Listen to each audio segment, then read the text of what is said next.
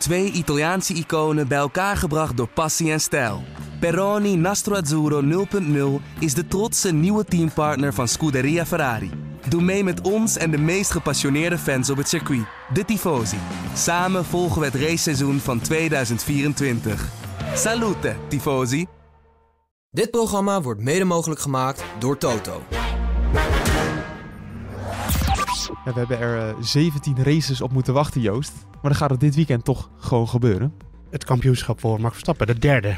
ja. Ja, ja we mogen. Ik, zelfs, ik moet nu een beetje worstelen met mezelf. Want ik ben eigenlijk pas van. Het is pas een feit als het een feit is. Maar nou ja, Ja. ik heb stiekem al allerlei dingen klaargezet. ja, toch wel hè. Het Ja. gaat, gaat gewoon gebeuren. Nou ja, het moet wel heel raar lopen.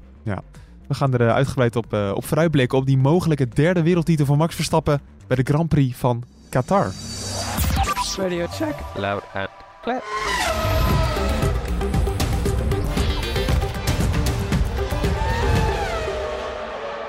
Welkom bij De Board Radio, de Formule 1 podcast van nu.nl. Waarin we dus gaan vooruitblikken op die Grand Prix eh, op het circuit in Lucelle. Maar het is toch echt allemaal in eh, Qatar.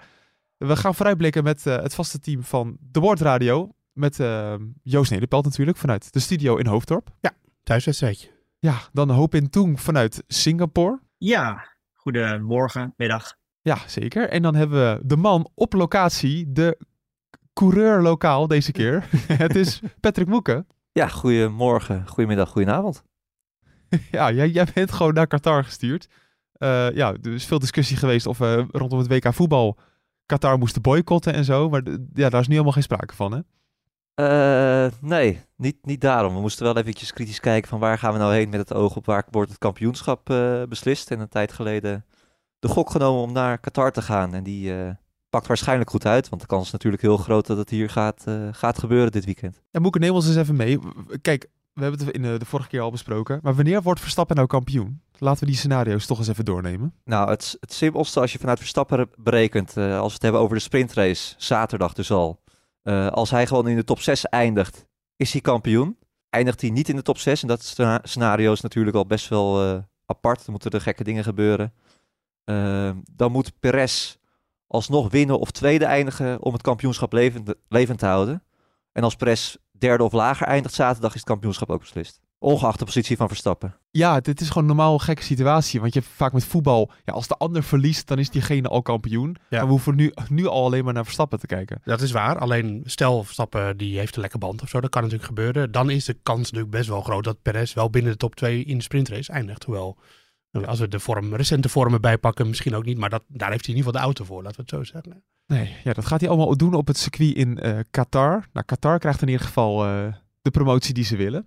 Je hebt iets tegen Qatar, heb ik het idee. Ja, ja, ja, ik heb al wat tegen Qatar. Ja, dat ik ben ik ben mag er, je ook gewoon eerlijk vooruitkomen hoor. Ik bedoel, Ja. eh, nee, ik ben er drie weken zelf geweest voor WK voetbal. Ik heb veel reportages gemaakt en ja, zeg maar nog ineens de religieuze dingen waar ik wat op tegen heb. nee. Zeker niet zelfs, maar het, het zit gewoon hoe het land in elkaar zit en het systeem. En, eh, Ja. ja, dat is natuurlijk tijdens het WK ook eh, uitvoerig aan bod gekomen. En eh, Ja. ik denk dat eh, de Formule 1 eh, nog steeds goed moet nadenken eh, wat ze met deze bestemmingen willen. En eh, er zijn natuurlijk eh, gewoon niet alleen in Qatar, maar in Bahrein en ook in de Verenigde Arabische Emiraten. En er zijn best wel veel landen die ze aandoen. Daar is wel wat aan de hand. Hè. Ja. Ehm, hier natuurlijk eh, mensenrechten niet het allerhoogste in het vaandel. En omgang niet, met... niet de hoogste prioriteit. Nee, en omgang met arbeidsmigranten is natuurlijk ook nog steeds wel een hoofdpijndossier daar. En dan Ja. druk ik me erg mild uit. Ja. Eh, maar ja, we weten wat Stefano de Monicali daar altijd over zegt. Ja, je kan er beter heen gaan, want dan kan je misschien verandering teweeg brengen. En als je niet gaat, dan niet. Nou, Ja. Wat mensen van die uitleg vinden, dat mogen ze allemaal eh, zelf bepalen. Vind ik overigens geen eh, gekke uitspraak. Want, Mm. want hadden wij zoveel over Qatar geweten als het WK daar niet gehouden was? Nee, dat is waar. Zeker. Moet ik wel zeggen, er waren ook veel minder doden gevallen. Dus eh, Ja, dan hadden die stadions ook allemaal niet gebouwd Ja. te worden. Nee, Ja. dat is zo. En, is ook weer bullshit dan weer. Ja, Ja. fijn. Nou ja, misschien wel, misschien niet. En kijk, er wordt daar even goed stevig gebouwd. Dus, en, Ja. en ook aan het circuit trouwens, want er is een heel nieuw eh, pitcomplex uit de grond gestampt. Ja, het is een, een circuit. Ja, weet je, we hebben natuurlijk een coureur ingehuurd, hè. Dus die coureur wordt betaald dat als we bij een circuit zijn, dan gaat die uitleggen hoe het allemaal werkt. Dus Hopin, ga maar los. Vertel eens, wat is dat voor baan? Ik ben er nog nooit geweest. Niet in Qatar en ook niet op het circuit. Hey, wat is dit nou weer? Nee, maar ik heb er wel een beetje ingelezen en ik heb de races gezien in 2021. En nou, we kunnen ons allemaal nog wel herinneren, denk ik, dat de bandenslijtage toen echt extreem hoog was. Het was echt een eh, bandenvreter.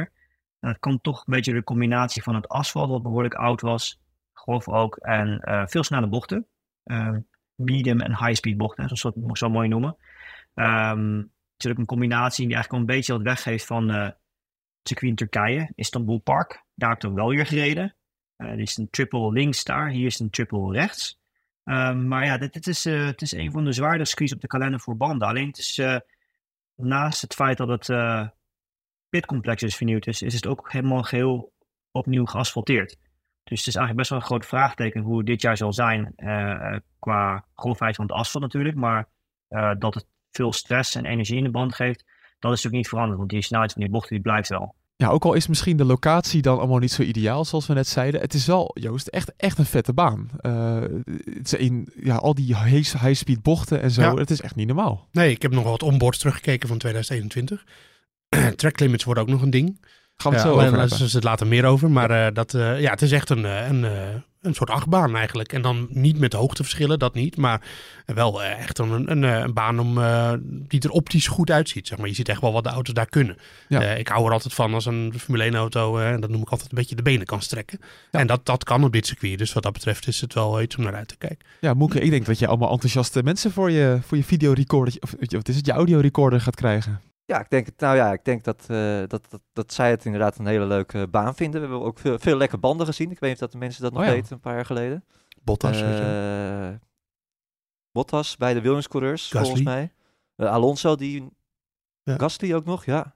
Alonso, die, uh, die, die eindigde derde, maar die had ook nog bijna... Die, die banden stonden ook op springen. En die moest ook de curbs vermijden.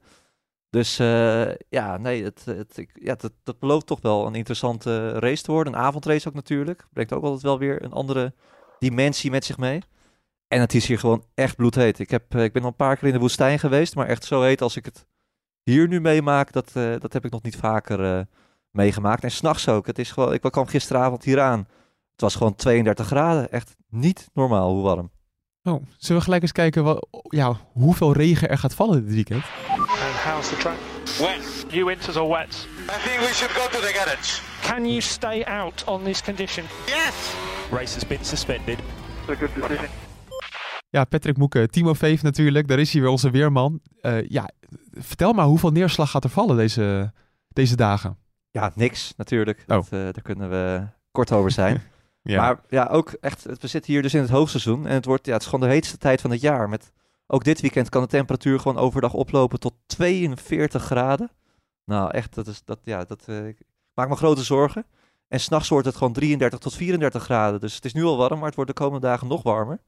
Uh, en daarbij kan het ook nog stevig waaien. Dus dat is ook wel interessant met een baan die in woestijn ligt. Uh, windkracht 5 tot 6. Met windstoten tot 60 km per uur zondag. Dus dat belooft toch wel interessant te worden. Ja, hoop in. Lekker dan, zo'n um, zo'n warm klimaat daar. Dat is ook nadelig voor de auto. Kan je toch eens uitleggen wat voor nadelen ze dan tegen kunnen komen? Ja, het wordt bloedheet natuurlijk het weekend. Eén uh, groot nadeel is natuurlijk ook al het feit dat uh, er maar één vrije training is hè, op de vrijdag vanwege het sprintweekend. Um, een sessie die op veel warmere omstandigheden zou worden verreden dan bijvoorbeeld de kwalificatie en de races. veel ja, hoge baantemperatuur, waar de, door de banden zich volledig anders gedragen dan op een kouder, kouder asfalt nou, ik moet zeggen relatief koud natuurlijk, want het is nog steeds uh, bloedheet, zoals uh, Moeke net zei. Uh, daarnaast, ja, minder vermogen natuurlijk. ook minder downforce. Hoe warmer lucht is, hoe minder downforce aerodynamica van de auto produceert eigenlijk. Um, dus ja, het zijn op veel manieren werkt het toch wel door.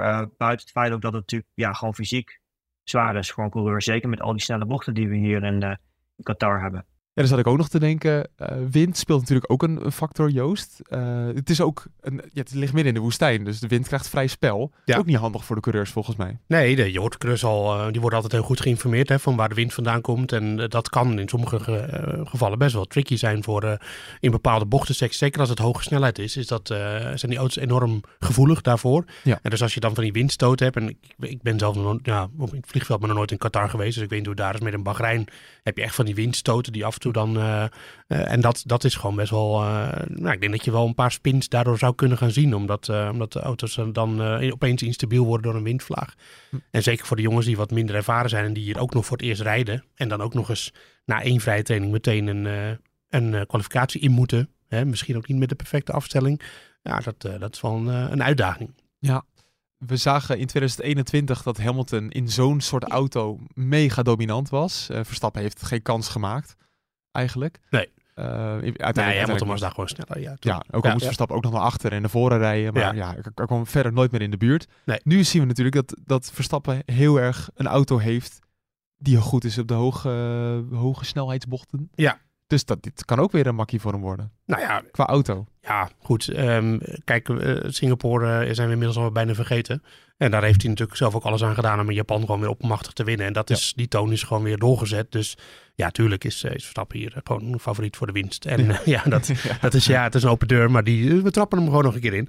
Um, ik denk verder, het is nu altijd interessant om te kijken wie dan de tweede auto gaat zijn. Nee, ik, uh, toch even, daar komen we allemaal zo op Joost. Oh, sorry. Rustig aan. We hebben het draaiboek. Verstappen gaat weer winnen. We gaan, we gaan eerst nog 20 minuten over Verstappen hebben. Ja. nee, want... Um, we moeten ons vasthouden om het te beargumenteren waarom Verstappen sneller is. Want we kunnen wel cynisch worden van natuurlijk is hij sneller. Nou ja, je moet maar waarom? Je moet eigenlijk kijken op welke circuit is de Red Bull niet snel. En ja. dat is een stratencircuit met uh, langzame bochten en veel hobbels. Nou, dat is dit absoluut niet. Ja. Dus uh, ja, nee, het, ze moet heel raar lopen. Wil de Red Bull hier niet uh, gewoon de uitblinker zijn. Um, en, um, want er zitten hoge snelheidsbochten in. Nou ja, we weten gewoon dat die Red Bull met die prachtige mooie vloer die ze hebben. Hè, dat 3D-kunstwerkje wat we in Monaco voor het eerst goed konden zien. Dat zij gewoon in, in langzaam, of doordraaiende bochten of lange bochten die lang duren, maar wel met hoge snelheid. Eh, dat ze daar gewoon zo sterk in zijn. Alleen McLaren komt daar momenteel een beetje bij in de buurt. Ja. Um, dus uh, ja, nee, tuurlijk. Uh, het is weer een, race die, uh, die Verstappen gewoon moet, moet winnen, normaal gesproken. Ja. En dan heb je het ook nog over bandenmanagement, wat natuurlijk ook hier een grote rol in speelt. Nou ja, dat is ook nog gewoon een sterk punt van die auto. Dus ik, zie niet, ik zie geen zwakke punten voor de Red Bull dit, dit weekend. Nee, Nee, zullen we toch eens kijken naar ook het feitje van de week? Want die sluit ook aardig aan op bij Red Bull.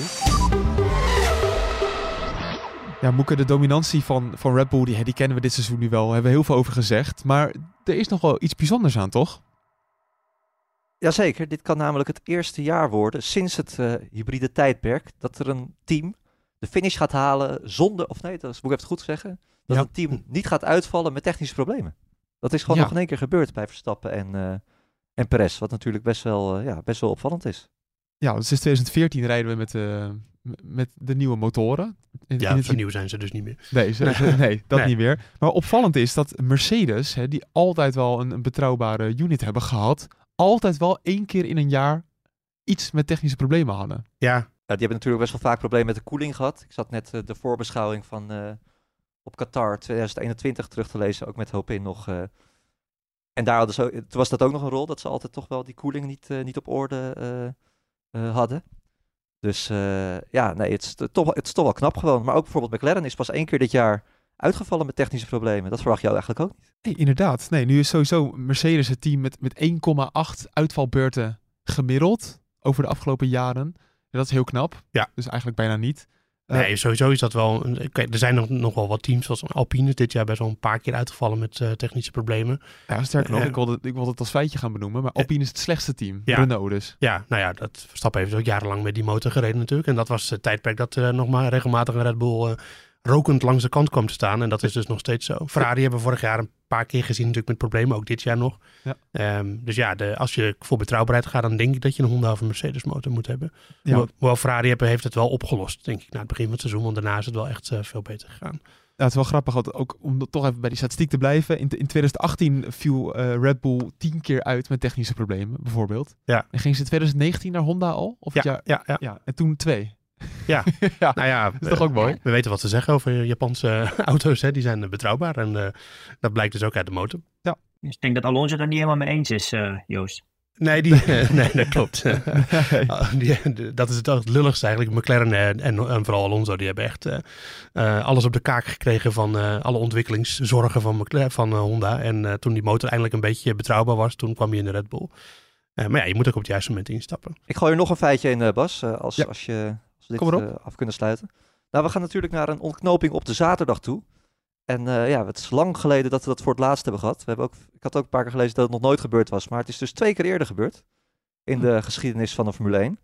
Namelijk eh, Piquet in 83 in Zuid-Afrika was een zaterdagrace. En een jaar eerder was het ook eh Keke Rosberg in Las Vegas. Die, die Oh, van. wereldkampioen werd. Ja, Ja, op een zaterdag. op een zaterdag, ja. Nu is het wel ehm eh, primetime in Nederland. We gaan zo de tijden nog even doornemen. Maar het is wel in de avond wordt het gereden. Qatar. Nee, maar ook, even- het wordt in Nederland natuurlijk in de avond uitgezonden. Ja, dus dan heb je zo van zaterdagavond primetime de Verstappen wereldkampioen zien worden. Mhm. Dat is niet heel slecht voor de kijkcijfers. Eh, nee, dat denk ik niet. Nee, dat is leuk voor Viaplay. ja, ja. Ja. Ja. Ja. hoop in. we hadden het net al even over. Gaat het gewoon gebeuren voor Verstappen op de manier zoals je denkt? Van die rijdt weg en die zien we nooit meer terug? Dat, denk ik haast wel. Want het is weer echt een circuit wat op het lijf is geschreven voor de Red Bull van dit jaar. En ik denk zeker eh, het feit dat ze nu het, asfalt, dat ze opnieuw geasfalteerd hebben. eh, wat hopelijk ertoe geleid eh, dat het ook minder hobbelig is geworden. Eh, nou, dat weten we, dat is sowieso het voordeel van de Red Bull. Omdat die natuurlijk sterk zijn als ze laag rijden. Dat hebben we natuurlijk in Singapore wel heel duidelijk kunnen zien. Ehm, ja, ze zijn sowieso qua bandenshetage dit seizoen natuurlijk al ontzettend sterk geweest. En wat dat betreft eh, was de, de, Grand Prix in Japan natuurlijk best wel een soort van eye-opener. Omdat dat eh, ook een ja, typisch high-load, high-deck circuit is. En dat eigenlijk de usual suspects zoals Mercedes, die ja, niet per se meer zo uitblonken, vond ik, dat ze dat deden eh, voorheen. En ehm, ja, goed, Verstappen reed natuurlijk voorop daar.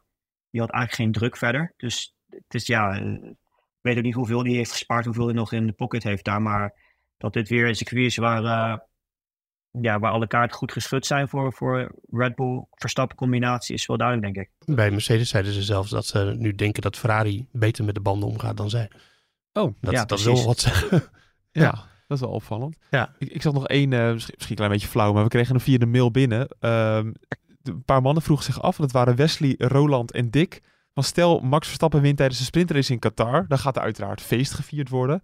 Mag hij dan de avond ervoor drinken en de volgende dag weer rijden? Of is er een soort van promillage dat, dat je moet toestaan? Ik heb nog nooit gehoord dat Formule 1 kleurs mo- moeten blazen, maar dat, dat weet Hopin misschien beter eh, dan ik of hij dat wel eens meegemaakt heeft. Eh, de- de- het is wel eh ehm, dopingtesten. Nou weet ik dus Oh. niet of, de, moet ik eerlijk bekennen dat ik niet weet of uh, alcoholtest daar het onderdeel van is. Oké. Maar je hebt de random dopingtest. Ehm, het is in principe dat Formule 1 coureurs net als eigenlijk alle andere atleten eh, in de wereldtop eh, ook op random momenten getest kunnen worden. Die moeten whereabouts aangeven, dus dat betekent waar je eh, bent ter wereld.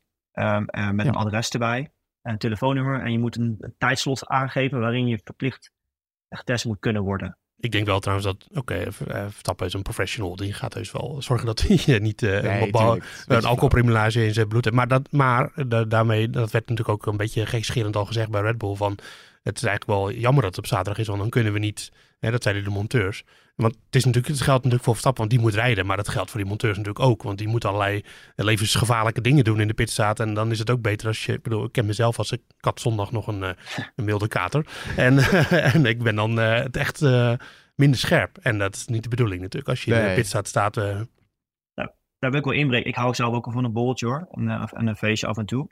Maar moet ik ook niet te veel verheerlijk. Vind ik dat je zonder een borrel, zonder alcohol, geen goed feest kunt hebben. zeker. Want eh, dat is natuurlijk ook zeker van. Ik weet zeker als eh, zaterdag daar eh, eh, kampioenschap eh, wordt binnengehaald bij Verstappen, het rijderskampioenschap natuurlijk. Dat eh, hoe dan ook wel flink gefeest gevierd zal worden. Al dan wel, wel of niet met alcohol. Eh, de blikjes Red Bull die vliegen natuurlijk op de teamfoto ook altijd in de ronde. Ja. En die zullen zo- sowieso zaterdagavond wel rijkelijk vloeien. Dus als er slapeloosheid is, is het meer daarvan dan iets anders. Vermoed race begint ook wat later, dus dat is, eh, komt ook mooi uit. Kijk, Moeke, dit is ervaringsdeskundige. Ja. ja. Ja, Ik zat te denken, stel je daarvoor, hè, dat, dat Perez hem nou helemaal... Het is Verstappen wereldkampioen, maar Perez fout hem helemaal dubbel in de vangrail. Dat die gasten dus nog s'avonds zouden moeten werken of Ja, zo. dat zou kunnen. Ja. Dat, eh, dat kan natuurlijk. Ook, eh, dus Perez moet ook extra nog eens, nog eens gaan opletten. Nou, maar ik, als ik hun was, zou ik gewoon lekker het feestje naar zondagavond verplaatsen. En dan heb je daar minder verantwoordelijkheid en minder kans op. Misschien die wind, hè, Joost, toch? Want eh, we weten allemaal hoe gevoelig de auto's van tegenwoordig voor wind zijn. En als er veel wind is dit weekend, zoals voorspeld, met windvlagen ook, op een hoge snelheidscircuit zoals hier in Qatar, dan eh, hebben de reizigers een excuus. Dus ja, het is makkelijk om dan toch een klein foutje te maken. Hey, we gaan eens kijken naar de situatie van McLaren. Eh, sowieso een nieuwe windtunnel. Mhm. Joost, eh, hoe belangrijk kan dat zijn trouwens voor het team? Nou, eh, McLaren maakte tot nu toe de laatste jaren gebruik van de windtunnel van Toyota eigenlijk. Dat is in Keulen, dus niet in Japan, maar in, in Keulen. Hm. Daar zit dat Gazoo Racing, wat ook het, het WEC-team van Toyota runt. Ehm, en ja, dat is natuurlijk niet een ideale situatie, zeker niet voor een team met ambities zoals McLaren. Eh, dus ja, ze hebben een tijdje terug eh, geïnvesteerd in, eh, in een nieuwe windtunnel, gewoon in Woking. Tenminste, ik weet eigenlijk niet zeker of hij in Woking staat. Volgens mij staat hij gewoon bij de fabriek. En dus dan hebben ze gewoon weer een eigen windtunnel, een eigen beheer. En ehm, nou ja, dat is een andere, zoals Ferrari heeft een eigen windtunnel. Red Bull heeft een stokoude windtunnel waar de Concorde nog in is ontwikkeld. Maar het is wel een eigen windtunnel. Ja, er En, komt eh, ook een nieuwe aan, maar die zijn, ja. zijn niet begonnen met bouwen. Nee, nee. En eh, Mercedes heeft bijvoorbeeld wel een eigen windtunnel. Maar Aston Martin gebruikt ook die van Mercedes. Dus eh, ja, het is, het is gewoon beter eh, om, om er zelf in te hebben. Maar ja, het zijn, haast weer van Ferrari. Precies, ja. Het zijn knetterdure dingen, dat wel. Ja, maar is het dan, kan je daar nog iets van, eh, misschien wil ik ook een hoop in vragen. Is de- is- zou dit iets kunnen zijn waarin McLaren in één keer stappen maakt, omdat de data wat betrouwbaarder is? Ik weet niet per se of de data veel betrouwbaarder zal zijn meteen. Oh. Eh, vaak natuurlijk ook een soort van calibratie hè, eh, nodig. En ja, het gaat volgens mij wel redelijk snel. Ik moet zeggen dat ik daar niet heel veel verstand van heb. Ehm, maar wat Joost wel aangeeft, ik, voor wat ik altijd begrepen heb, is, was de Toyota-correlatie ook niet per se de beste van teams op de grid. En het geeft wel aan dat als je kijkt naar, naar een team als Red Bull, die dus inderdaad niet een heel nieuw, eh, nieuwe, een nieuwe tunnel hebben, sterker nog, ze- zeer verouderde, dan ehm, is het ook niet alles zeggen natuurlijk. Eh, maar het feit dat dit een van de grote investeringen is en een van de dingen waar, waar Mercedes, of, eh, McLaren al best wel lang aan bezig, mee bezig is geweest en ook al lang op hoopt en naar vooruit kijkt, geeft denk ik wel aan dat ze zelf wel de verwachting hebben dat ze daarmee grote stappen kunnen gaan maken. Anders zou ze ook niet die investering maken. Want we weten allemaal dat McLaren als automerk en als team zijn natuurlijk eh, ja, financieel eh, eh, ook wel het klappen te verduren heeft gehad de afgelopen jaren. Ja, ja, het is in ieder geval goed nieuws voor, eh, voor McLaren, waar eigenlijk Moeke de afgelopen tijd sowieso heel veel goed gaat. Eh Norris twee keer op rij op het podium gestaan. Eh, Piastri heeft zijn eerste podium. Ja, het is, het, het is een team ja, waar nu serieus naar gekeken wordt. En dat kan in Qatar ook wel gewoon weer het tweede team zijn. Zeker, ja. Nee, ter- terug van weg geweest. Hè. We zaten naar die updates, waar was het? Eh, voor Hongarije volgens mij. Te kijken van, nou kunnen ze het ook eh, op andere type circuits. Maar ze zijn nu echt gewoon op eigenlijk alle soorten circuits al snel geweest. Ik moet zeggen, ik vind het ook wel mooi. Gewoon traditioneel. Het is zo'n groot team McLaren. eh, rijke historie. Fabriek in, eh, in Woking natuurlijk. Eh, ja, het, het, het, was denk ik ook. Ik vind dat ze ook wel een beetje lang onder hun stand hebben gele- geleefd. Als je ziet waar ze vandaan kwamen. En de jaren die ze hebben gehad. Dus het werd ook wel weer tijd dat McLaren zich eh, vooraan zou melden. Eigenlijk is het wel mooi met die windtunnel ook. Want McLaren was eigenlijk een team wat altijd best wel ver zijn tijd vooruit was. Als je kijkt ook met het technology center natuurlijk wat ze destijds gebouwd hebben. Dat was echt, eh, nou ja, toen dat werd gebouwd dacht men echt van wauw, wat, wat is dit? Het was totaal veel uit te passen met alle andere Formule 1 fabrieken die er tot dat moment waren in, eh, in, in Engeland vooral. Eh, wat ja, als je daar naar keek, het was echt vaak veredelde, ja, je reed echt door weilanden heen letterlijk tijden. En dan op een gegeven moment kwam dan in één keer een Formule 1 fabriek tevoorschijn. En dit was echt zo'n dat technology center destijds. En ook zij waren ook een van de eerste die behoorlijk geavanceerd waren, bijvoorbeeld met de simulator. Ehm, dus ja, het is altijd wel een team geweest wat, eh, wat dat betreft qua technologie. ehm, ja, hoe zeg je dat in het mooi Nederlands? Eh, in Engels op de forefront was, Joost. Ja, of koploper. Dus ze, zaten, ze waren gewoon koploper. Ja, ja. Ja. Ja. Koploper. Nou, Joost, speciaal voor jou zijn we bij het puntje draaiboek aangekomen om eens naar de tweede teams te kijken. Ja. Ik begin niet van iets over McLaren. Zijn Nee. zij dan ook de grootste uitdager van Red Bull eh, dit weekend? Ehm, ik denk het wel, maar er zitten een paar mits en maar aan. En die ga ik dus nu even... Je kent me, Eh, eh, Joost, Eh, Zonder mits en maren best- leef ik niet. de stage is yours. The stage is yours. Nee, eh, er zijn veel hoogsnelheidsbochten in eh, Qatar. En dat is een sterk punt van de huidige McLaren. Ja. Dus op basis daarvan zeg ik dat zij wel de, de, de, de, de grootste uitdager relatief. Want ze komen niet in de buurt van Verstappen, maar eh, ze rijden erachteraan. Ehm Mercedes is een beetje de vraag, want het is wel een high downforce circuit op een bepaalde manier. En daar zijn zij wel goed in. Ehm, en Mercedes, hun, hun high downforce pakket is relatief het beste van de, van de drie pakketten die ze hebben. Terwijl ze in Japan eigenlijk niet zo goed waren. Nee, maar dat is ook meer medium. Daar heb je natuurlijk best wel hele Ja, lange rechtstukken. Ja. Ehm, Ja. Dus, eh, dus die Mercedes is een beetje een dark horse, maar die hebben, die hebben een beetje, zijn een beetje het spoor bijster met, met bandenbeheer. Dus ik ben heel erg benieuwd hoe dat hier gaat uitpakken. En Dark Horse, ik heb deze grap al zo vaak gemaakt, maar is natuurlijk letterlijk ook Ferrari. En Ferrari is ook een beetje, eh, die twee zijn gewoon een beetje onberekenbaarder geworden. Eerst was het, was het gewoon eh, dat duidelijk op welke squeeze Ferrari het goed deed. Als ik nu daarna het langs die meetlat leg, dus met, eh, ze zijn goed in tractiepunten, dus vanuit lang, langzame haakse bochten, ja, die zijn hier bijna niet. Ehm, dus ik denk niet dat Ferrari een topweekend tegemoet gaat. Maar ze hebben natuurlijk wel een klein beetje een ommekeer gemaakt sinds Monza. En eh, daar als, ja, als het blijkt dat ze nu hier heel erg goed zijn, dan is het ook wel een goede indicatie van dat ze echt eh on top of hun, eh, hun problemen zijn. En dat zou ik ook alweer mooi vinden voor ze.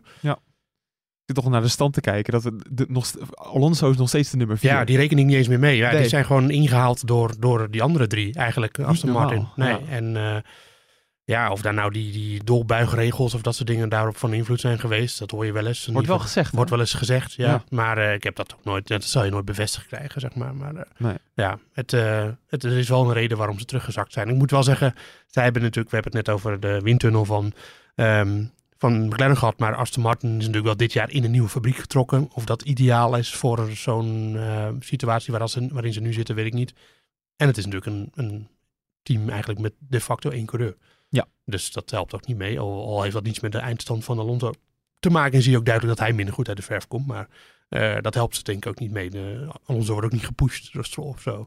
Nee. En als Alonso een keer een mindere dag heeft, dan is het niet Stroll degene die het dan overneemt. Zo. Die heeft dan vaak een nog mindere dag. Dus eh, Nee. ja, lastig. Ja, nog één eh, team te gaan, eh Moeke. Dat is ehm Alfa Tauri. Want daar hebben we nog steeds Liam Lawson in de auto. Want Ricciardo, is hij nou nog steeds niet hersteld? Hoe zit dat? Nee, die is gewoon nog steeds niet eh, fit. Hij schijnt wel eerder deze week eh, in de simulator een, eh, een poging te hebben gedaan om te kijken of, het al, of hij al inzetbaar zou kunnen zijn. Maar ze brengen hem gewoon heel rustig. Dat is, en dat lijkt me ook verstandig. Ja, ik denk dat je het met zo'n blessure niets wil forceren. En grote kans dat hij binnenkort in, in Austin bij de volgende race wel in de auto zit. Ja, En dan dus- staat de druk er ook wel een beetje op hoor. Want ja, Lawson heeft het natuurlijk hartstikke goed gedaan.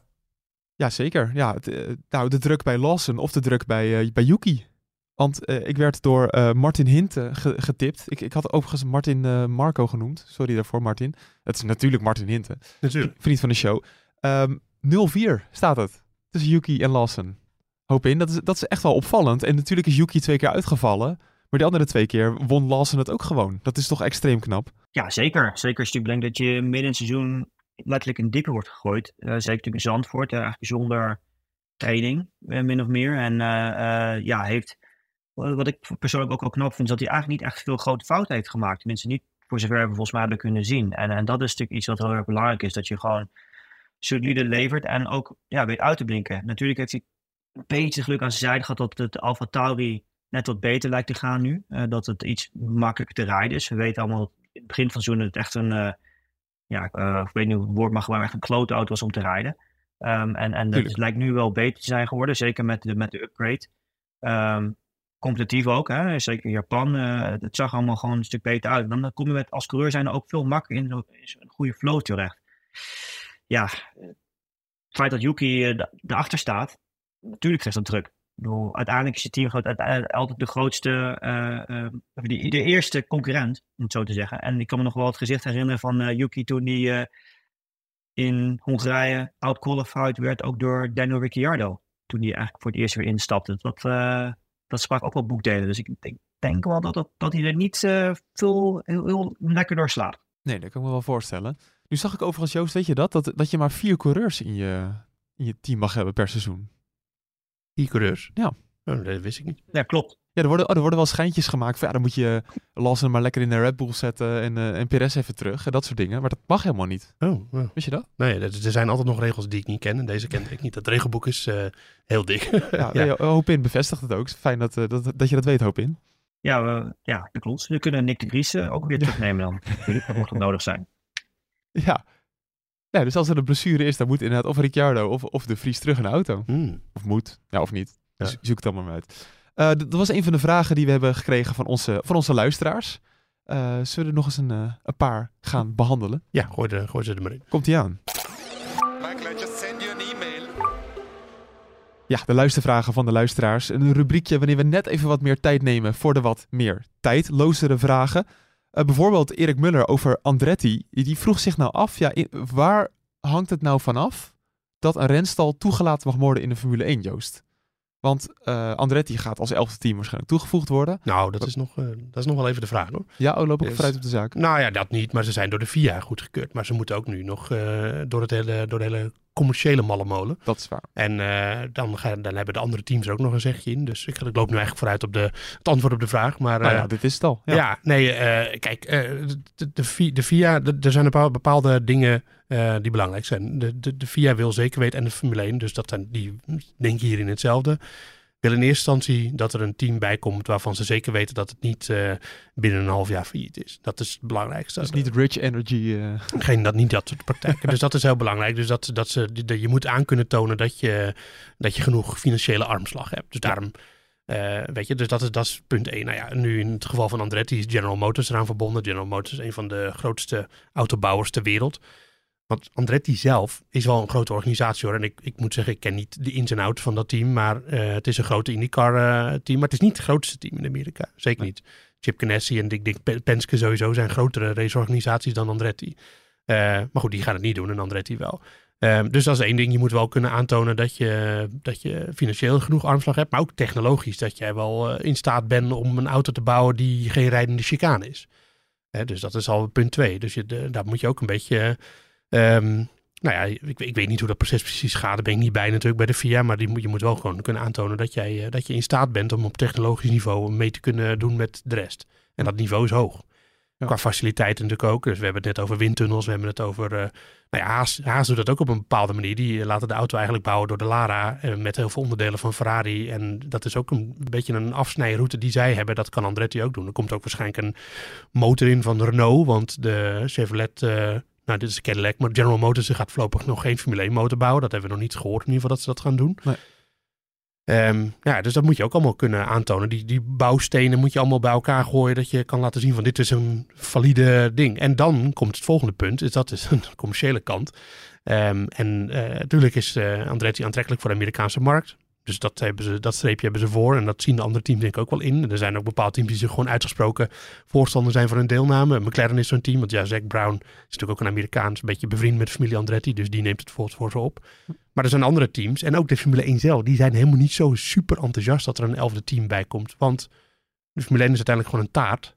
En eh, als een taart door 10 of door 11 stukjes maakt. Wat gebeurt er dan met de stukjes? Dan kan jij minder eten. Dan worden ze kleiner. Ja.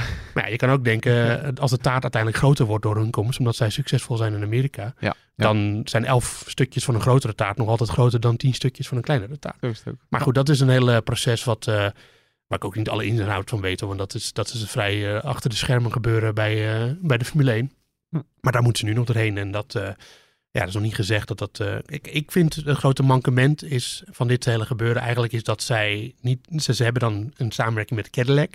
Ja. En Cadillac is een grote eh, autofabrikant, ook al zie je in Europa niet zo heel veel rijden, maar iedereen kent Cadillac. Ja. En ik zou dan willen dat, het een, dat er echt een motor van General Motors in komt, zoals Audi het eigenlijk doet, weet je wel. En, Precies. en dat doen ze dan weer net niet. En daarom vind ik het toch een klein beetje een badging eh, gebeuren, eh, hangt een beetje boven de markt. Ja, dat is dan leuk. Elf teams de grid. Meer sensatie, meer talenten. Ja, Zandvoort eh, zal uit moeten breiden. Maar het is pas vanaf 2026, dus is maar zien of Zandvoort dan op de kalender staat. Ja, die kans... Nou, die is redelijk groot, maar niet elk jaar Ja? misschien. Ja, ja, ja. oh, denk ik ik durf ik mijn handen echt niet voor in het vuur te steken hoor. Ja, als je lang Verstappen op de grid staat, dan is Zandvoort echt nog wel... Ja, nou oké. Daar hebben we het nog wel een keer over. Ja. Vraag voor jou, Hopin. Eh van René van Morsel. Die heeft het over een, een, hij noemt het een lullig raampje bij de cockpit van de auto's. Hij zegt onder andere Haas en Aston Martin eh, hebben dat. Maar ook bij Mercedes heb je wel zo'n gerafeld stukje glas gezien in de cockpit. Wat, wat is dat nou eigenlijk? Of plastic? Wat is dat? Eh, om de lucht eh, over de cockpit te geleiden. Om ervoor te zorgen dat hij niet de, de, de- naar binnen slaat, eigenlijk. Ik heb, het is grappig, ik heb het wel eens geprobeerd, ook in andere raceklassen, zoals de 2, GP2, daar is Formule 3 ook. Wat kleiner uit, je hebt Ja. ook verschillende grote stukken zo, die, die, als je die weghaalt, dat is echt een enorm verschil. En je, als je bochten maakt, zo, je voelt het ook gewoon echt heel op je handen, je voelt het op je helm. Je hebt veel meer last van eh, buffering, zoals we dat noemen, van de helm, dat die haast opgetild wordt als je op het stuk rijdt. Ehm, dus nee, het heeft zeker wel een functie. En natuurlijk het feit dat die eh, bij bijvoorbeeld Mercedes eh, zo, ja, van die, die punten, zo'n haaientandenachtige structuur heeft, eh, heeft er ook gewoon mee te maken. We weten allemaal, dat is de manier waarop dat dan weer loslaat, vortexen die het weer creëert, de luchtwervelingen. Ehm, ja, het is, gewoon, het is gewoon onderdeel van aerodynamica. Hm. En nu, eh, nu had René dit verwacht, hè, dit antwoord. Dan zegt hij, als het dan toch zo aerodynamisch is, waarom zit het dan niet vast aan het bodywork? Waarom is het dan niet onderdeel van de auto? Omdat je het makkelijker moet kunnen vervangen, denk ik. Het is natuurlijk een transparant gedeelte. Het zit wel in het zichtveld van een coureur. Ondanks dat je als coureur natuurlijk ver vooruit kijkt, is het wel een onderdeel wat je relatief vaker Ja. wilt vervangen. En het is ja, eh, ja, het is ook niet echt storend. Het is veel makkelijker om te monteren en weg te halen op deze manier. Het, is, het wordt snel vies. Eh, Want ja, het is natuurlijk opstaan. Het, komt veel wind loodrecht opstaan. Dus uh, ja, dat is, dat is de verklaring die ik ervoor heb. Misschien is de, als er een technicus uh, meeluistert die me zou kunnen vertellen waarom het anders zou moeten zijn. Maar ik denk dat dat de hoofdzakelijke reden ook gewoon een beetje gemak is. Ja. Oké, dan een vraag van, van Mike. Voor Moeke, um, sorry Moeke, soms de technische vraag, die speel ik altijd naar de twee mannen door. Dat vind je niet erg, toch? Nee joh, heel goed. Nee. Ik heb veel meer verstand van Nick. Dus, uh... ja, nee, maakt helemaal niet uit. Wij zijn hier vooral voor de sfeer, toch? Nou, jij bent hier vooral voor de sfeer. Dat is waar. Ik, uh, nou, kreeg ik wel... de... andere dingen, maar ga er, kom, kom maar op. Ja, nee, sorry. Ik, ik kreeg wel nog kritiek dat ik wat minder flauwe grappen moet doen. Dus ik probeerde echt op te letten. Ik probeer het gewoon gezellig te houden. You just can't help yourself. Ja, nee, ja. ja. ja. Um, in hoeverre moeten de auto's van hetzelfde team nou gelijk aan elkaar zijn? Want in Singapore reed bijvoorbeeld Landon Norris nog met nieuwe updates en Piastri niet. Uh, dus dat is zijn vraag. Maar dan denkt hij ook, ja, als Perez nou daadwerkelijk niet helemaal met deze auto kan rijden, ja, kan je dan toch niet een soort andere auto ontwikkelen waar Perez wel goed mee kan werken? Nou, in de, in de mogelijkheden die er zijn, zullen ze dat natuurlijk doen. Om hem zoveel mogelijk op zijn, uh, uh, ja, op zijn gemak te stellen in de auto.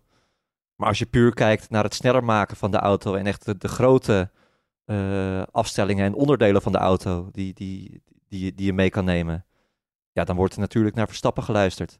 En dan heeft Perez zeg maar te schikken in wat hij, ja, in, wat, ja, in wat die auto kan. Aan de andere kant moeten we natuurlijk ook niet doen alsof alleen Verstappen in die auto kan rijden. Want daar, ja, daar geloof ik eigenlijk ook niet zo in. En dat zegt Verstappen ook natuurlijk. Die auto's zijn in principe ook gewoon gelijk.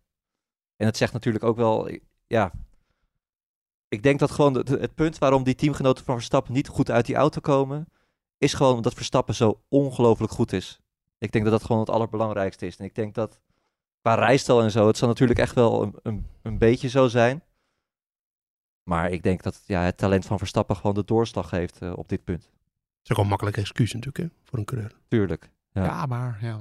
Ja, dat moet je ook, dat moet je ook altijd. Coureurs zijn ook wel excuses, mensen. En dat, je hoort het op in net zeggen. Van, uh, als het uh, hard waait, dan hebben coureurs in ieder geval weer een excuus als ze van de baan vliegen.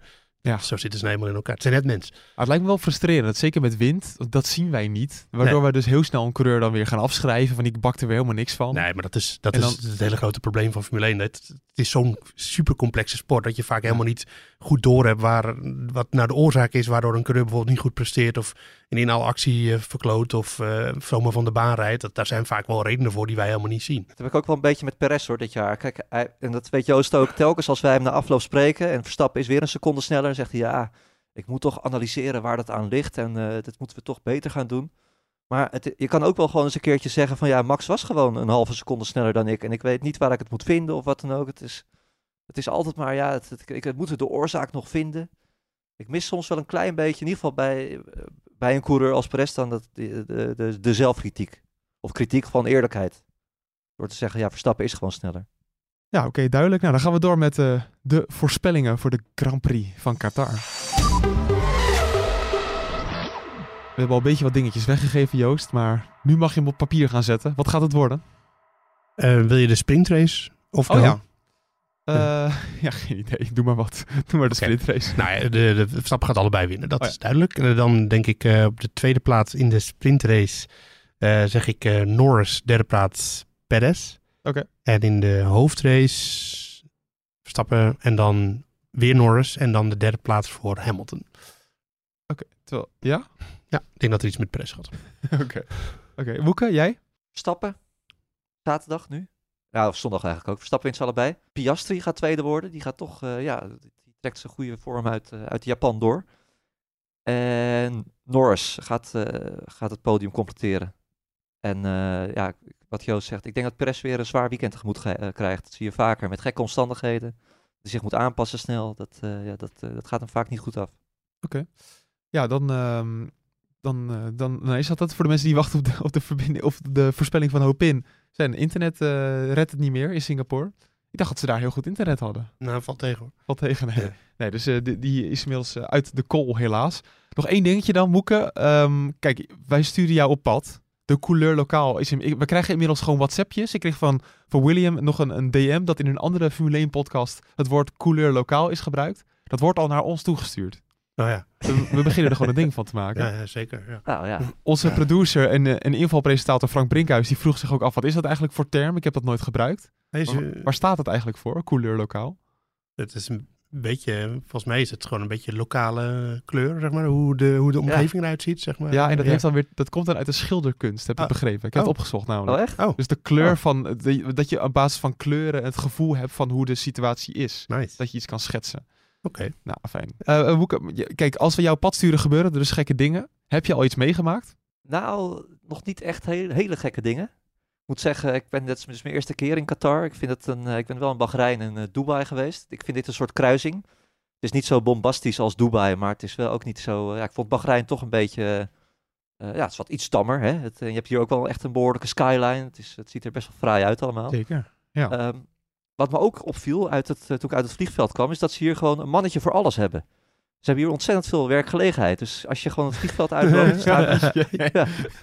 Wat? Ja, ja. Wat is Ja, ze hebben ontzettend veel werkgelegenheid. Ja, ja, dat klopt. Ja, maar dat creëren ze zelf. Er staat gewoon om de 50 meter staat er een mannetje. En in plaats van dat ze een bord neerzetten, zeggen ze ja, dan moet je daarheen lopen. ja. En eh, als je, als je de- toen we de huurauto hadden we gehad, toen eh, zei een mannetje van achter de counter zegt ja, je moet daarheen. Er stond op de hoek stond weer een ander mannetje die zei ja, je moet daarheen. En 20 meter verderop stond weer een ander mannetje die zei je moet daarheen. En dat laatste mannetje, die had ook, eh, dan ga je altijd zo'n rondje lopen om je auto weg. Ga je kijken of je, of je, of je schade hebt. Ja.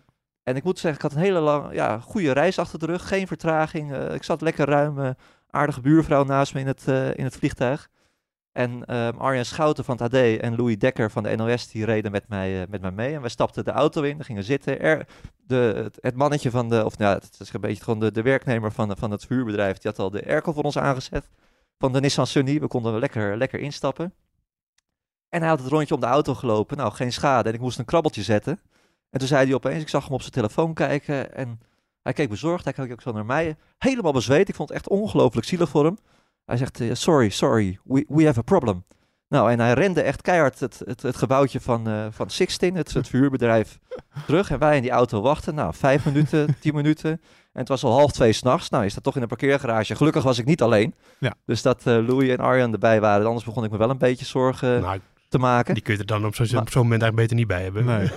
Nee, dat, ik zal, je- dat wordt aardig. Ik, ik, eh, jullie kennen mij, ik ben altijd wel positief. Maar die andere twee, dat wordt, wordt aardig geklaagd, eh, kan ik je Ja, het kan zijn ik twee doemdenkers bij zeggen. elkaar. Ja. Ja.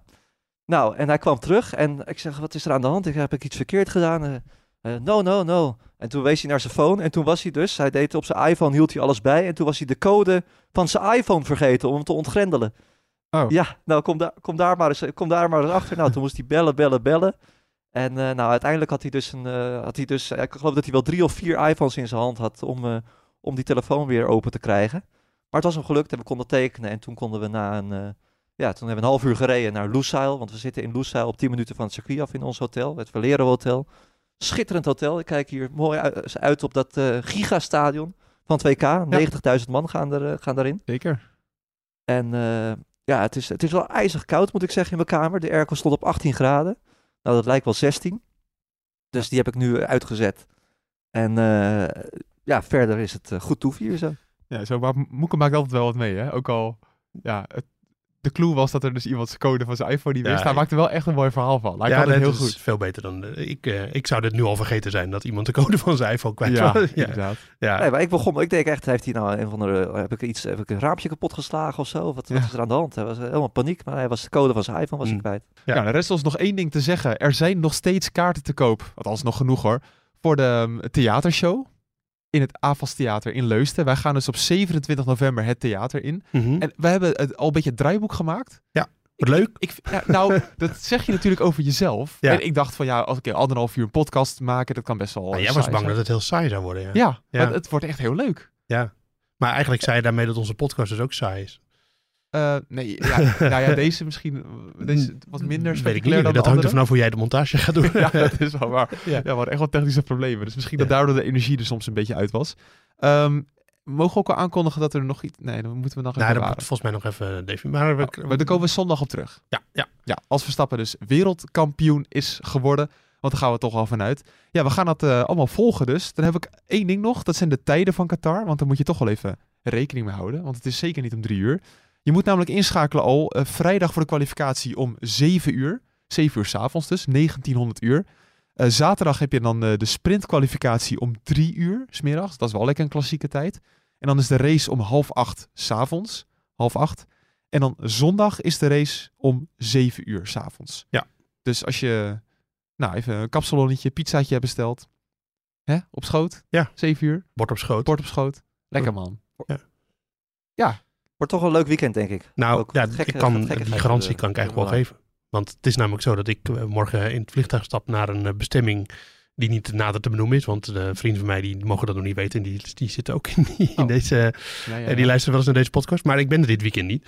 Eh, alle weekenden en dan ben je ja, ongelooflijk. En vorig, vorig jaar was ik dus een weekendje weg in Japan. In? Japan, ja. Ja, het is ongelooflijk. Dus volgend, volgend jaar ga je lekker tijdens de Prix van Abu Dhabi op vakantie. Nou, volgend jaar ga ik gewoon in een weekend dat er geen Formule 1 is. Oh, dat lijkt me maar ja, wel we gaan met een vriendengroep en je hebt meerdere keuzes. En, of meer, dan, mensen kennen dat wel van datumprikker.nl en Ja. dan eh, gaat het allemaal fout. Ehm, dus ja, eh, eh, en ik dacht, ah, Qatar. ja, boeien. dat ja. kan wel. Gaat Moeke naar Qatar en dan... en dat, zo lossen we het ook op, want Moeke die is daar gewoon. Dus, Ja. maar als ik niet kan kijken, en dat gaat waarschijnlijk gebeuren dit weekend, dan gebeuren er altijd gekke dingen. Dus dat, eh, dat is een soort garantie eigenlijk. Ja, nou, dan Ja. gaan we daarvan uit. Ja. Oké, nou helemaal goed. En ik zit dus zondag ook niet in de podcast waarschijnlijk. Nee, dat is al een dingetje. Ja, maar ik neem mijn microfoon wel mee, dus we gaan het proberen. We gaan het proberen. Nou, helemaal goed. Eh, we hebben genoeg over onszelf gepraat. Eh, we gaan kijken naar ehm, Max Verstappen, die wereldkampioen gaat worden in Qatar. Nummer drie alweer. Ja, ik durf het ook wel te zeggen. Ja, Eindelijk ga ik een keer mee in je, in je ongefundeerde stelligheid. Ja. ja. Oké, helemaal goed. Veel plezier dit weekend en eh, tot zondag bij de terugblik op de Grand Prix van Qatar. Tot dan.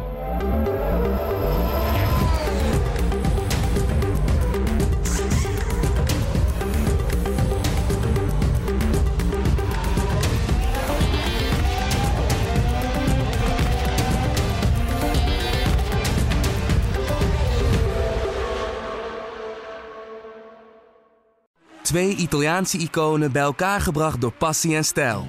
Peroni Nastro Azzurro 0.0 is de trotse nieuwe teampartner van Scuderia Ferrari. Doe mee met ons en de meest gepassioneerde fans op het circuit, de Tifosi. Samen volgen we het raceseizoen van 2024. Salute, Tifosi!